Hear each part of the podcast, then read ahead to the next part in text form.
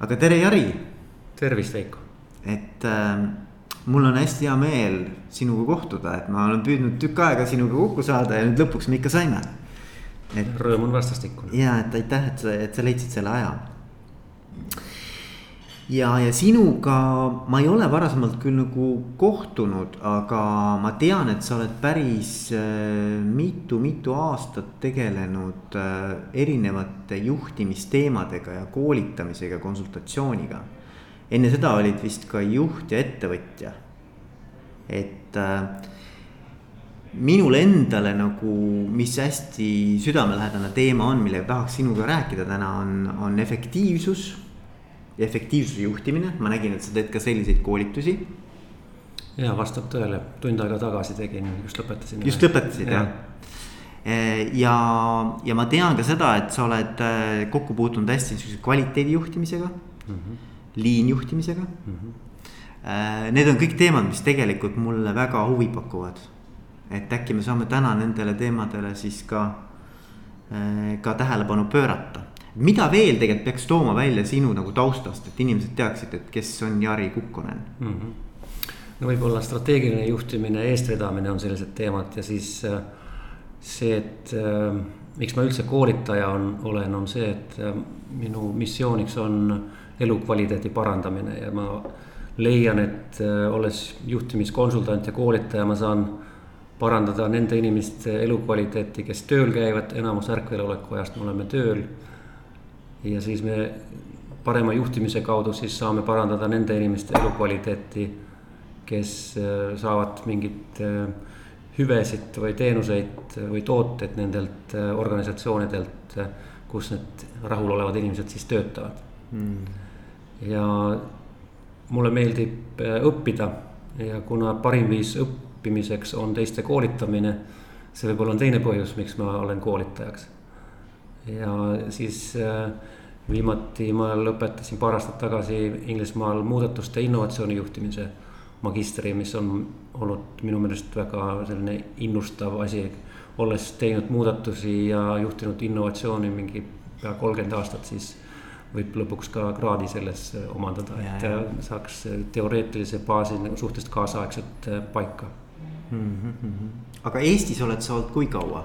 Eestis ma olen olnud üle kahekümne aasta. üle kahekümne aasta. üle kahekümne aasta, kui ma vaatasin just elule tahapoole, et ma ei olegi kuskil olnud nii kaua aega kui Eestis. uskumatu. ja, ja et kaheksateist esimest aastat ma elasin Kirde-Soomes, Kuopio ja Varkaus seal lähistel Soome suurima saare peal, Soesoo saari ja siis pärast keskkooli ma läksin Helsingisse õppima ja Helsingis ma töötasin, ma arvan, mingisugune elades kuskil neliteist aastat võib-olla. väga palju reisimist mingit eluperioodides ja siis tõesti ühe koha peal ei ole kuskil olnud nii kaua kui Eestis. hetkel teen ka Soome kuskil kolmkümmend protsenti minu ajast läheb Soome organisatsioonide koolitamise ja konsulteerimisega. aga alati ka Soomest tulles siis tunnen, et ma tulen kodumaale, et mulle väga sümpatiseerib Eesti ja, ja leian, et äh, olen väga äh, õnnelik, et olen saanud näha sellist edulugu nagu Eesti riigi areng siin äh, paarikümne aasta jooksul.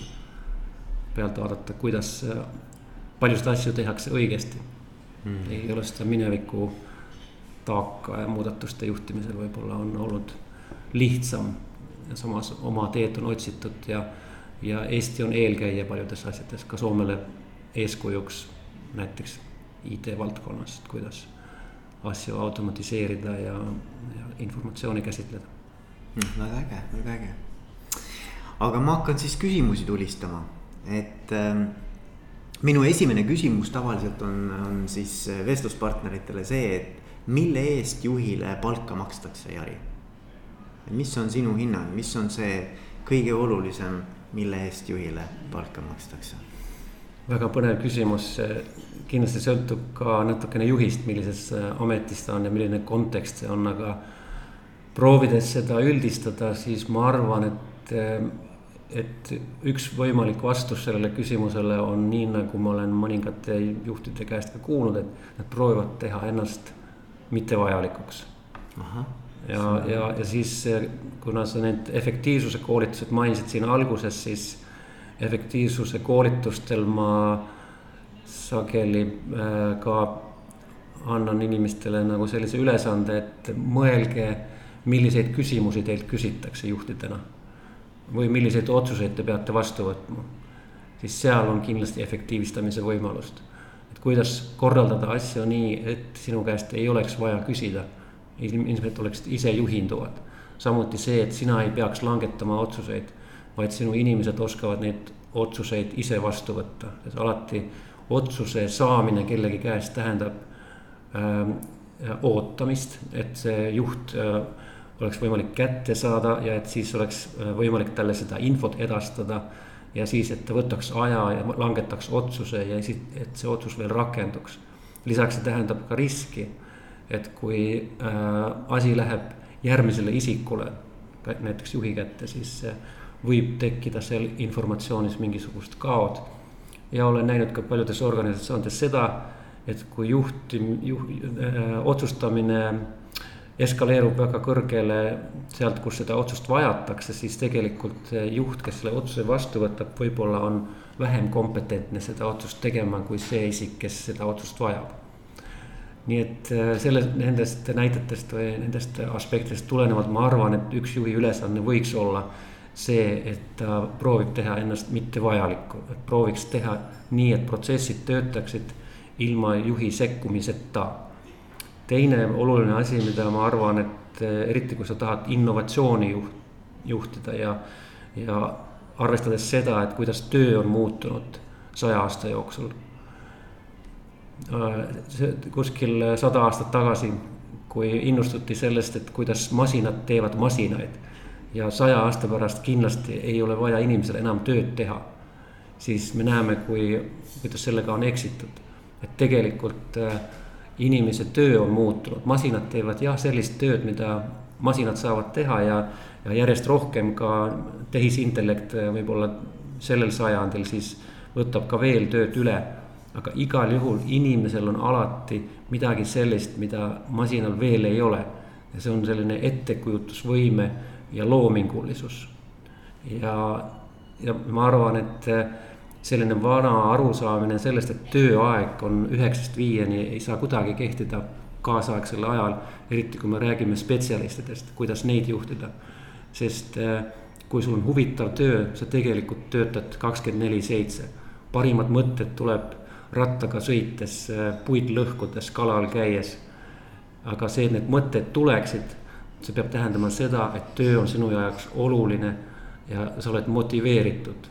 ja sellest tulenevalt väga pikk vastus sellele küsimusele, aga sellest tulenevalt ma arvan, et, et äh, juhi ülesanne on olla see eestvedaja, kes leiab üles inimese seest selle sisemise motivatsiooni, mis tema paneb tiksuma, mis on see, mille pärast see inimene siis võiks mõelda ka alateadvuse tasandil nendele asjadele ja et ta sisuliselt äh, oleks huvitatud sellest oma tööst võib-olla need, need paar asja, et, et protsesside tasandil endast mittevajalikuks tegemine, protsesside arendamine on juhi ülesanne.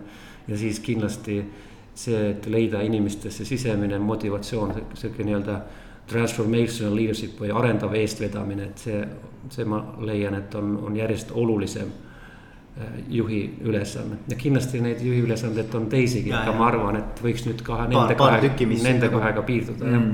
-hmm mis sulle nagu kõige olulisemad tunduvad? mulle see esimene, esimene mõte hästi meeldib, et mul on tegelikult paar, paar teist vestluspartnerit umbes sarnaseid ideid äh, ka öelnud, et, et, et, et juhi nagu ülesanne on teha ennast mittevajalikuks või noh, et, et, et tähendab mitte vajalikuks, aga et, et, et, et organisatsioon saaks hakkama ilma nende sekkumiseta või minimaalse sekkumiseta, sekkumisega et aga, aga mis sa arvad, mis on selleks nagu organisatsioonil vaja või et, et, et nagu, et ma mõtlen, mille taha see nagu tavaliselt jääb? kindlasti põhjuseid on no, mitmeid, aga, aga seal on ka julgus, ma arvan, üks selline teemadest, kui võtta nagu näiteks hoogu kuskil Deming, Demingi, Edward Demingi mõtetest sealt, et kirjutas need neliteist teesi, kuidas nagu me saame organisatsioone arendada, siis üks nendest teesidest on, et aja hirm välja. ja et hirm, et sa teed vigu, kuna vastutuse võtmine tegelikult toimub läbi otsustamise, siis see võib olla üks põhjustest, miks inimesed ei tee otsuseid, nad pigem lähevad ülemuse juurde ja paluvad ülemusel langetada otsuse. ja siis ülemus on see, kes vastutab. ka noh, juriidiliselt võib-olla, aga, aga mis on eelkõige tähtis, on psühholoogiliselt vastutustunne tekib läbi otsustamise. see on, ma arvan, üks selline põhjus, et sa pead sellist organisatsiooni kultuuri looma, kus ei kardeta teha vigu ja kus juletakse võtta vastutusi. siis kindlasti üleüldse, mille taha jäävad äh, teistmoodi asjade tegemised, äh, kui võtta nüüd siis jälle mingid muudatuse juhtimise teooriad sinna. Siis äh, Hayes ja, ja Kotter näiteks oma mudelitest lähtuvad ikkagi sellest, et pead aru saama, et on olemas hetkeolukorras möödapääsematuid probleeme. et me ei saa samamoodi edasi minna ja kui seda ei juhtu, et meil on kriis, mingit kasulik kriis, siis eh, võib-olla, et eh, teistmoodi juhtimisvõtted ei ole võimalik neid rakendada. siis on muidugi ka veel organisa-, organisatsioonilised ja, ja, ja ka rahvuslikud eripärad, eh, et on huvitav vaadata näiteks Gerd Hofstedi neid kuut aspekti, kuidas kultuurilised erinevused nendes kuues aspektis erinevate rahvuste ja, või riikide vahel on, ta on teinud riikide tasandil neid oma uuringuid, mida saab ka guugeldada ja võrrelda riike sealt internetist. ja, ja siis selline asi nagu võimu, võimu kaugus, power distance, see on väga erinev erinevates kultuurides ja ja kui võtta näiteks Skandinaavia ja Eesti ka selle, selles võimu distantsis, siis äh, need on väga sarnased, et juhil ei ole sellist äh, oma positsioonist tulenevalt autoriteeti nagu arvamuse õigsu, õigsuse osas, et see, et juletakse juhte ka kritiseerida, et nad tingimata ei, alati nendel ei ole õigus. Vaid äh, ja samuti juhid võivad semutseda oma alluvatega, kaotamata oma sellist autoriteeti aga siis äh, mõnes teises kultuuris nagu Hofstedi uuringutes me vaatame näiteks, võrdleme Vene, Venemaa kultuuriga, siis seal on see võimudistants on väga, väga, väga kõrge. ja see tähendab siis seda, et juhil on alati õigus. Ja seal võib-olla näiteks see kaasav juhtimine sellistes organisatsioonides, kus selline äh, arusaam juhist on, et ta ongi, alati tal on õigus ja juht peab ütlema, mida me teeme siis ei ole nii häid eeldusi koheselt minna üle sellisele kaasavale juhtimisele. pigem peetakse seda juhi nõrkuseks, kui juht läheb ja küsib, et kuidas teie meelest seda asja tasuks teha. siis, siis leitakse, et juht ei ole järelikult kompetentne, kui ta ei oska ise öelda, et mida me nüüd järgmiseks teeme. ja, ja, ja ei, ma arvan, et see on see usalduse tase ka, eks ole, et, et nagu, et sa pead juhina päris palju ikkagi usaldama, sa pead niikuinii peaksid usaldama, aga noh, ütleme, et see on nagu. ma arvan, et selline noh, hea test, et kas sa nagu usaldad mingisugused valikud ja otsused siis oma tiimi liikmete kätte. või et sa tahad ikkagi olla nagu kogu aeg selle puldi juures, et kes, kes teeb neid otsuseid. absoluutselt, ma tegin siin koostööd äh, mingid kolm-neli aastat tagasi sellise organisatsiooniga nagu Stara Helsingis, see on selline organisatsioon Helsingi linnas, mis vastutab ehitamise ja linna heakorra eest, seal on kuskil kaks ja pool tuhat töötajat. Nad tegid selliseid lean piloote, mõned natuke üle kümne projekti. ja, ja sealt tekkis väga head tulemused just nende inimeste kaasamise ja sellise voogefektiivsuse kaudu nad äh, identifitseerisid äh, mitmesaja tuhande ulatuses kokkuhoidu. Ja siis üks juhtkonna liige ühel seminaril just nimelt seda ütles, mida sa just äh, ütlesid. ta ta kasutas sellise sõnavõttu, et ta ütles, et äh, meil siin Staras töötavad väga julged inimesed. Nad on nii julged inimesed, et nad on läinud ja teinud tutvust põhivõõra inimesega. ja siis loonud sellise usaldusliku suhte, et nad on kolinud kokku, hankinud lapsi, võtnud laenu, ehitanud maja või ostnud korteri või ostnud auto. ühesõnaga, nad on teinud oma elus väga suuri otsuseid. Aga siin Staras me ei usalda neid, et nad teeksid ühe saja eurose otsuse ise. Mille tagajärjel siis näiteks võis juhtuda mingil ehitusel, et naelad said otsa. Ja siis oli vaja juht üles leida, et ta teeks ühe väga olulise otsuse, et jah, võib juurde osta naelasid. ja, ja, ja, ja sel ajal võis olla pool päeva jälle ehitus seista. ja, ja, ja, ja et see on huvitav jah, et ja, ja on ju mingisugused ettevõtted, kes kasutavad seda holo, hologramm või holograatik juhtimine. ma ei mäleta, kuidas see eesti keeles on äh,. ehk et siis mõte ongi, et on äh, iseseisvad äh, tiimid, kes mm -hmm. tegelikult siis sellist nagu tava traditsioonilises mõttes juhtimist üldse ei vaja, eks ole mm -hmm.. noh, ma tean, et näiteks Eestis ProExpert on üks, üks ettevõte, kes püüab seda mudelit ka edukalt ellu viia, et, äh, et väga huvitav äh, selline nii-öelda juhtimismudel, kus, kus tegelikult jah, juhid siis. juhtidel on roll, aga juhtidel ei ole mitte selline tavapärane võimu ja otsuse langetaja roll, vaid pigem siis ikkagi selliste nii-öelda areng, arenguvisiooni ja siis barjääride takistuste eemaldamise roll. Mm, just ja sellest tuleb mulle meelde üks naljakas lugu ühe sõbraga seoses, ta tegi oma väitekirja ja siis ta sellega seoses äh, käis Egiptuses intervjueerimas, ta väitis, et ta intervjueeris tol ajal nagu neid äh, Osama bin Ladeni sugulasi, vendasid äh, nii-öelda kolleege. ja siis Marku, see minu sõber, kes on nagu selline geeniuse ja hullu Piirimaalt, ma ei ole kindel, kummal pool ta nagu käib, aga, aga väga kihvt sell on igatahes. Ja temal silmad põlesid, kui ta tuli Egiptusest ja ütles, et nüüd ma olen Jari leidnud selliseid väga, väga kihvti nagu näite sellisest väga heast juhtimismudelist, see on Al-Qaeda. vaata, kui vähe nendel on äh, ressursse ja, ja kui vähe nendel omavahelist kommunikatsiooni erinevate rakkude vahel, aga ikkagi te, töötavad nii tõhusalt äh, ühise eesmärgi nimel, et, äh, et maailma suurim nii-öelda military power on nagu nendega tõesti hädas ja, ja, ja no see, see on nagu väga must näide ja, ja absoluutselt kindlasti nagu ei, ei Marko ega meist keegi nagu mitte mingil juhul ei toeta terrorismi, aga samas me näeme nagu juhtimise mõttes, et nendel on olemas narratiiv. Nendel on olemas nagu selline asi, mis nagu hullumeelselt kütab need inimesed üles nagu ühise eesmärgi nimel töötama ja siis äh, sellest võiks midagi õppida ja eks see on mingi usk ka, eks ole. see on ka usk jah ja,. Ja. see on natuke sihuke nagu usu, usu teema ka paljuski, et.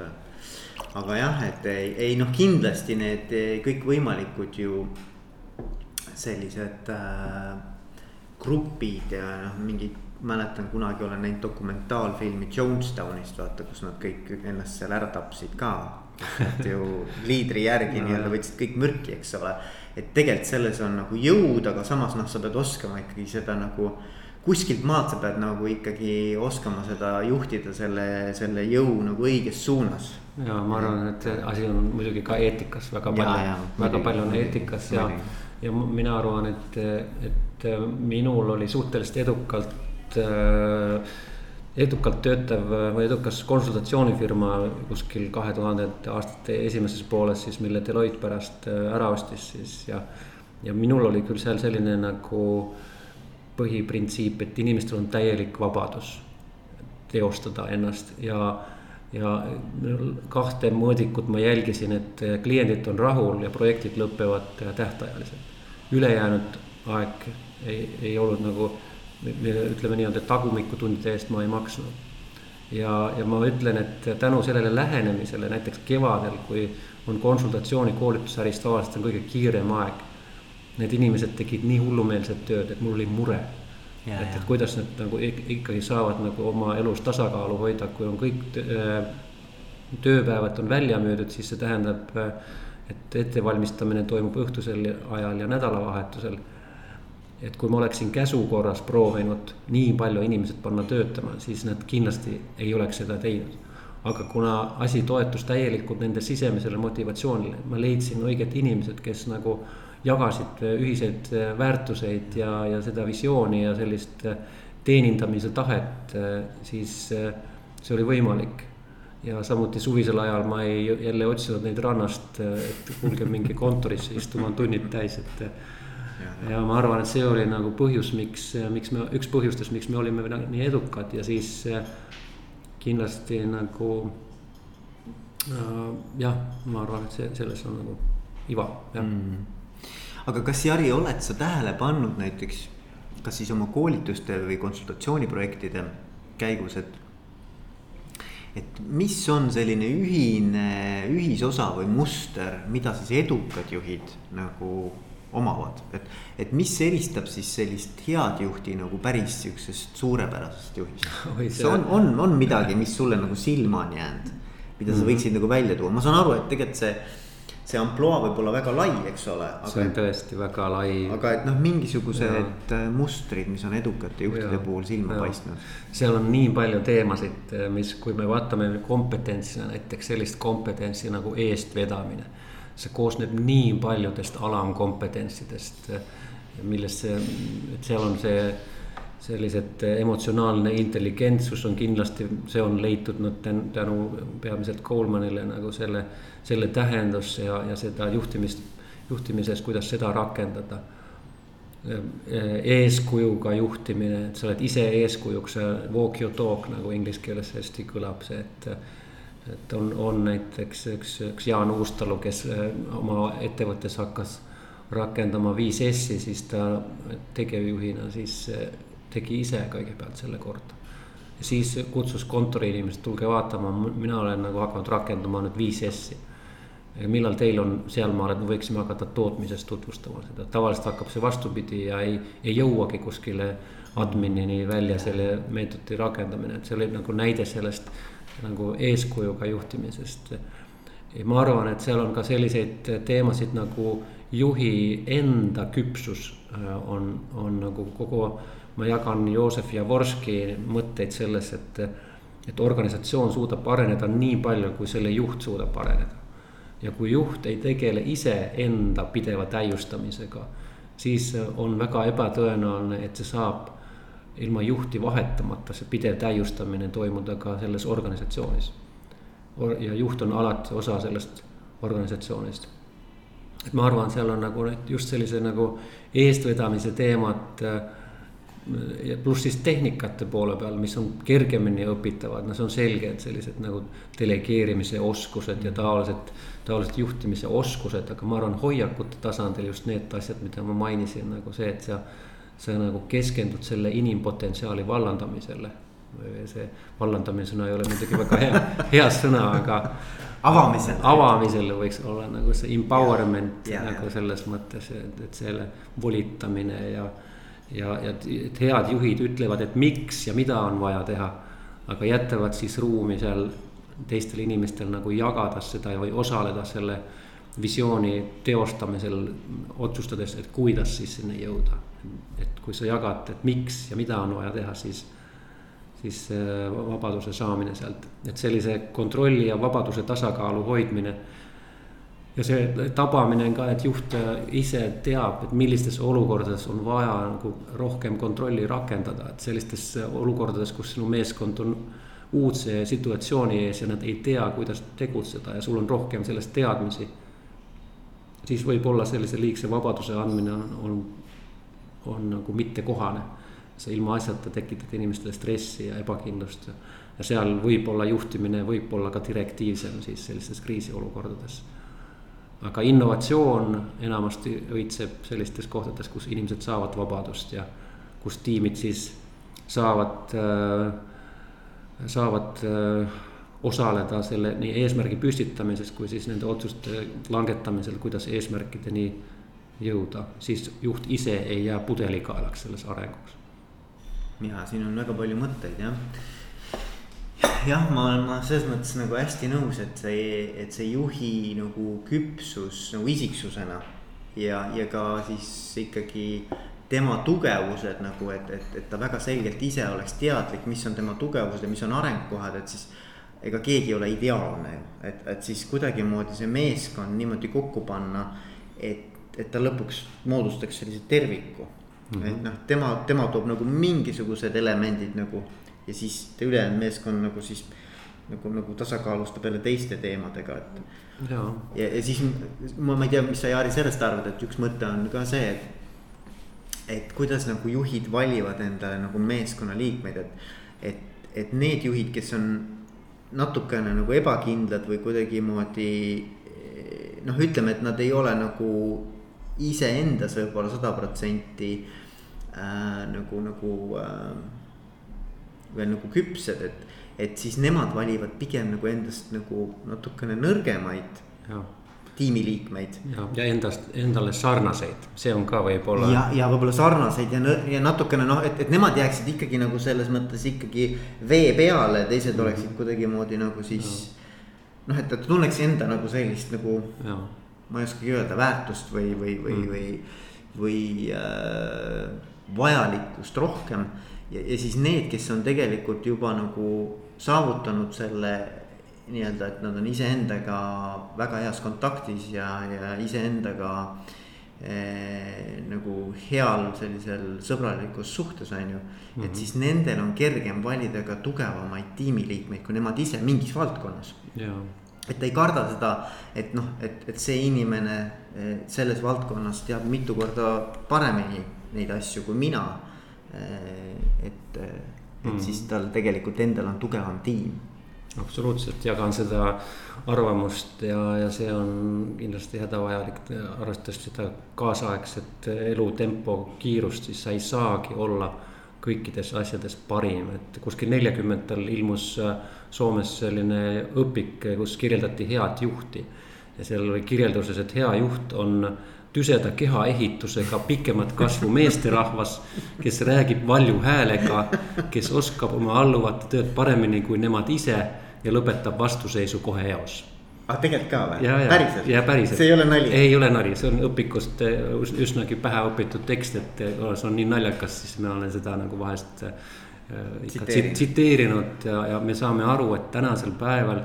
kui juht peaks olema igas valdkonnas, oskama paremini tööd kui tema aluvad, siis, siis ma arvan, et on vähe neid tegevusalasid, kus see nii võiks olla. On kindlasti neid kohti, kus kus võib sedasi üles ehitada, võib-olla on vajalik ka sedasi üles ehitada seda asja, aga, aga põhimõtteliselt äh, sa pead palkama inimesi või võtma tiimi sellised, kes tõesti, kes seda tiimi täiustavad. Äh, Belbini rollidest, kui vaadata näiteks seda rollitesti, et milliseid tiimirolle inimestel on, siis ma ise tean. test ka näitab seda, et mul on väga halb või ma olen väga nõrk viimestleja ja, ja siis, äh, kui on mingid riigihanked näiteks, siis ma tean, et mul ei jätku nagu püsivust ja, ja, ja sellist hoolsust, et ma näpuga ajaksin järgi kõiki neid äh, detaile ja vormistuslikke nüansse, et parem on, kui mul on meeskonnas keegi, kes äh, seda asja nagu teeb rõõmuga. ja, ja, ja olles teadlik, nagu see on nüüd üks, üks näide paljudest minu nõrkustest, aga olles teadlik siis oma nõrkustest, siis saadki just äh, otsida selliseid tiimikaaslasi, kes sind äh, täiustavad. Ja see, ma arvan, jah, täiesti jagan seda sinu mõtet. Mm. ja, ja, ja noh, kui tulla nüüd tagasi nagu selle päris esimese küsimuse juurde, siis, siis tegelikkuses ju äh, on ka selliseid ettevõtteid, kes äh, nagu selleks, et sa juhina saaksid kuhugi üldse edasi liikuda, sa peadki endale järeltulija nagu välja kasvatama.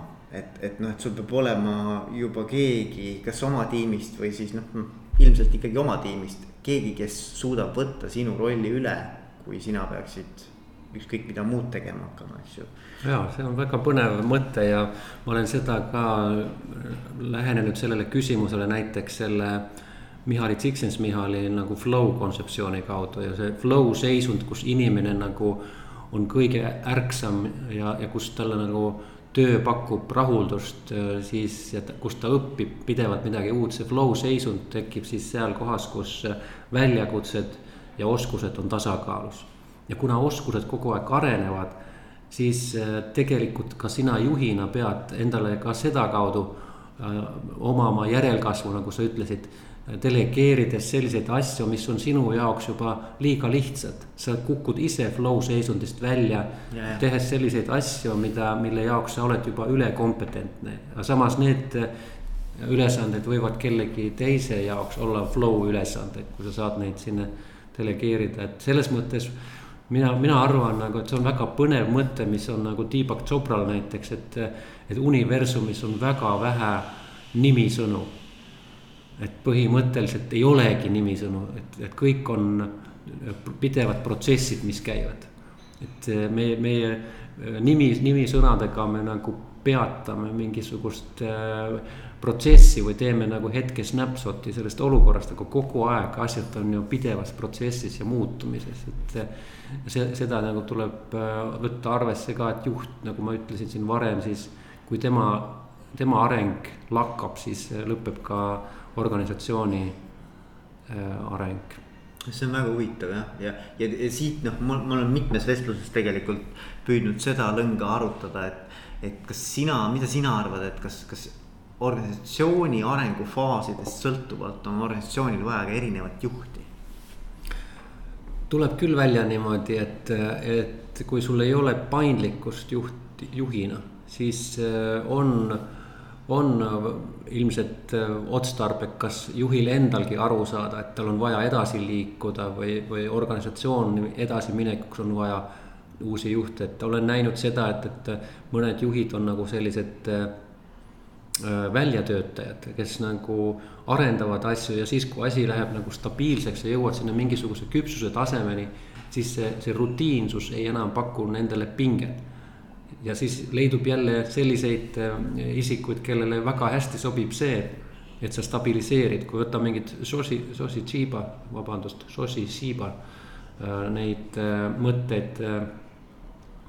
et, et kuidas nagu organisatsioonide arengud käivad, et sellises läbimurdefaasis sul võib-olla on teatud laadi, teist laadi juhtimist vaja, kui siis pärast läbimurret sulle järgneb selline standardiseerimise, stabiliseerimise faas, kus sa pead leidma jälle tasakaalu ja kinnitama nagu sellised äh, teatud äh, kasud sellest muudatusest äh, kindlate rutiinidega.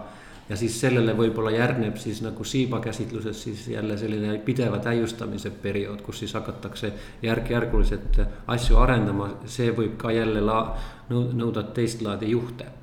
küll aga seda on võimalik ka teha nii, et aru saada üleüldse sellisest organisatsiooni äh, nii-öelda kahekäelisusest või inglise keeles on see organizational ambidexterity on see, see teema, et kuidas nagu olla efektiivne täna ja samal ajal valmistuda tuleviku jaoks, siis ka see nõuab väga erinevat laadi juhtimist ja ja erinevad autorid äh, on selle probleemile näinud erinevaid lahendusi, et on nähtud selliseid tsüklilisi lahendusi, nii nagu ma seda Shiba käsitluses just kirjeldasin seda asja, et, et sul on nagu mingisugune ekspluateerimise periood ja siis selle ekspluateerimise perioodile järgneb siis mingit exploration, mingit avastamise või arendamise periood ja siis jälle, jälle nagu tuleb selline kasutamise periood.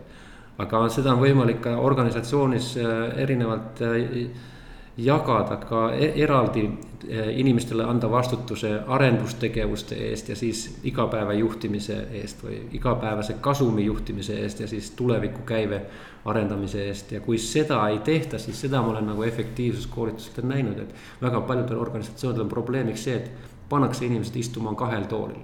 et sa vastutad tänase päeva käive eest ja samal ajal sa peaksid mõtlema välja teenuseid e, homse tarvis ja see ei tule välja, see on, see on nii kirjanduses kui praktikas nagu nähtud, et, et üks või teine kannatab, et sa ei saa samal ajal nagu olla efektiivne, teha tänase päeva nagu normid täis ja siis ka teise ajupoolkeraga nagu mõelda, et, et milliseid äh, tulevikulahendusi nagu võiks teha või mingeid äriplaane ellu viia. ma mäletan seda, ma olen näinud ühte Jeff Bezose äh, intervjuud, see on siis Amazoni juhi intervjuud, kus ta rääkis sellest, et tema ja tema lähim äh, nii-öelda kogukond seal Amazonis ehk siis tiimi ti,, tema tiimiliikmed. kõik mõtlevad tegelikult nagu kolm või rohkem aastat ette. nagu selles mõttes, et, et ta teab, et äh, selle kvartali tulemused on tegelikult otsuste tulemus, mis oli kolm aastat tagasi tehtud mm. -hmm ja, ja ta nagu ütles, et kõik tema sunnib kõiki mõtlema tegelikult. noh, ütleme seda tänapäeva juhivad operatiivsel tasandil juba nagu teised inimesed. aga et, et sunnib mõtlema, et, et mida me tahame teha täna selleks, et kolme aasta pärast oleks vot selline tulemus meil. et see on nagu noh, see läheb hästi kokku sellega, mida sina praegu just rääkisid, et noh, sihuke nagu tulevikku pidevalt nagu äh, kujundav äh, juhtimine hmm.. see on huvitav jah. nõus kuule, aga Jari, räägi seda, et, et üks huvitav selline küsimus, kus äh, mulle alati meeldib ka oma vestluspartnereid natukene nagu torkida, on see, et kui sul oleks äh, siin vastas keegi inimene, kes saab oma esimese juhi rolli. ta on olnud spetsialist või, või pole varem nii-öelda pidanud teiste juhtimisega tegelema, aga nüüd ta on saanud selle suurepärase võimaluse ennast juhina tõestada. mis nõuande sa talle annaksid? see on väga põnev küsimus ja, ja siis nagu väga hea nõuanne arvestaks vägagi selle kontekstiga. et ma ei, ma ei julgeks öelda mingit üldpädevat asja. ja, ja ma, ma arvan, et ma, ma olen ühe, ühe sellise raamatu kirjutanud efektiivsuse teemadel läbimurre, murre on selle raamatu nimi, Äripäeva kirjastuse raamat ja, ja selle raamatu töönimi oli mul et alustas sealt, kus sa oled. ja muidugi see kirjastaja jaoks on see nagu mitte väga seksikas nagu pealkiri raamatule ja, ja läbimurre on palju seksikam nimi, müüb ilmselt paremini. aga, aga mõte on igal juhul see, et äh, minu meelest see kehtib äh, iga asjaga seoses, et äh, me siin rääkisime alguses omavahel ka sellest spordist ja, ja, ja juhtimisest ja missuguseid seoseid seal on. siis igal juhul sa pead alustama sealt, kus sa oled. et ma arvan, et selline nii-öelda revideerimine või olukorra analüüsimine, et kus me oleme. ja mis võiks olla nüüd need järgmised sammud, mida oleks vajalik teha, siis sellest arusaamine, ma arvan, et see annab sellise rahu ja, ja kindlustunde ja et sa ei, sa ei hakka ennast kohe võrdlema mingisuguste maailma tippudega näiteks, kui see ei ole just kohane, kui see sinu juht, juhtumisi sinu ülesanne ei olegi olla sellises organisatsioonis, sa kohe pead konkureerima maailma parimatega. aga tegelikult, mis on need esimesed sammud ja mis on see arenguteekond ja mingisugune visioon, mis sind ennast innustab. ma arvan, et see on nagu äh, juhile ja igale inimesele nagu, see võib olla minu sihuke humanistlik eh, nagu maailmavaade küll ka, aga. aga mina usun sellesse, et eh, ka juht, kui ta suudab ennast motiveerida ja ise innustuda. alles siis tal on mingisugused eeldused teisi motiveerida ja innustada. ja, ja, ja see siirus on väga oluline, et sa jääksid iseendaks. et sa tegelikult ka usud seda, mida sa räägid ja see võib-olla nõuab väga palju aega. et sa, sa satud nagu juhi rolli ja siis sa, sul on mingisugused ettekujutused ja rollmudelid ja. ja seal võib juhtuda eriti nooremale inimesele, et sa kaotad iseennast, et sa mõne aasta pärast on enda elule taga, tagasi vaadates mõtled, et no miks ma siis ikkagi ei jäänud iseendaks lõppude lõpuks. ja, ja et see, see on, sina ise oled see sinu parim sõber lõppude lõpuks siin elus. ja, ja, ja si, siin on see asi, et mina arvan, et äh, on nüüd tegemist mis iganes asjaga, aga näiteks juhtimisega, siis see sisekaemus, iseendast arusaamine on kindlasti väga vajalik. võib-olla need kaks asja, et ja see, mis ma viimati ütlesin, võib-olla on kõige olulisem, et sa saad iseendast aru ja iseendaga tuttavaks ja nii nagu sina ütlesid, et juht, kes iseennast teab ja, ja tunneb nii oma tugevusi kui nõrkusi, siis tema suudab äh, paremini siis ka meeskondasid kokku panna ja siis teisi motiveerida. ja, ja siis selle protsesside või selle keskkonna mõttes siis arenguvajaduse tuvastamine. ja, ja siis see arengupotentsiaali, realiseeritava arengupotentsiaali tuvastamine, et mis on tegelikult teostatav. ja ma arvan, see ebakindlus on see asi, millega peaks nagu leppima. Et ei ole, me ei tea õiget vastust enne, kui elu näitab meile selle. see on see asi, mida nagu võib-olla juhina on sageli ka kimbatuses, et, et mi-, kuidas nüüd peaks tegema, et väga sageli sa oled selliste otsuste variantide ees, kus ükski variant ei ole täiuslik ja lõppude lõpuks sa ei tea, et mis siis juhtub selles tegevuskeskkonnas.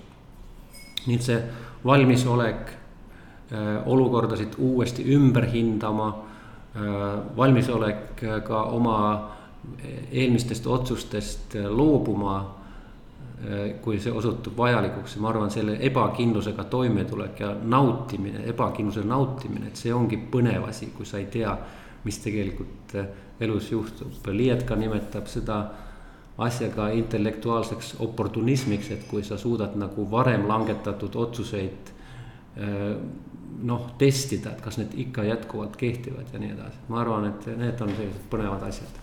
ja, ja, jah, see, see ebamäärasusega toimetulek, et see on kindlasti üks väga-väga oluline, oluline teema, jah sest et noh, midagi ei ole teha, seal selles, selles töös on väga palju asju, mis on sinu mõjuulatusringist väljas, aga sa pead nagu keskenduma ainult fokusseerima sellele, mida sa tegelikult ise nagu päriselt muuta saad või, või mille, mille üle sinul nagu mõju on.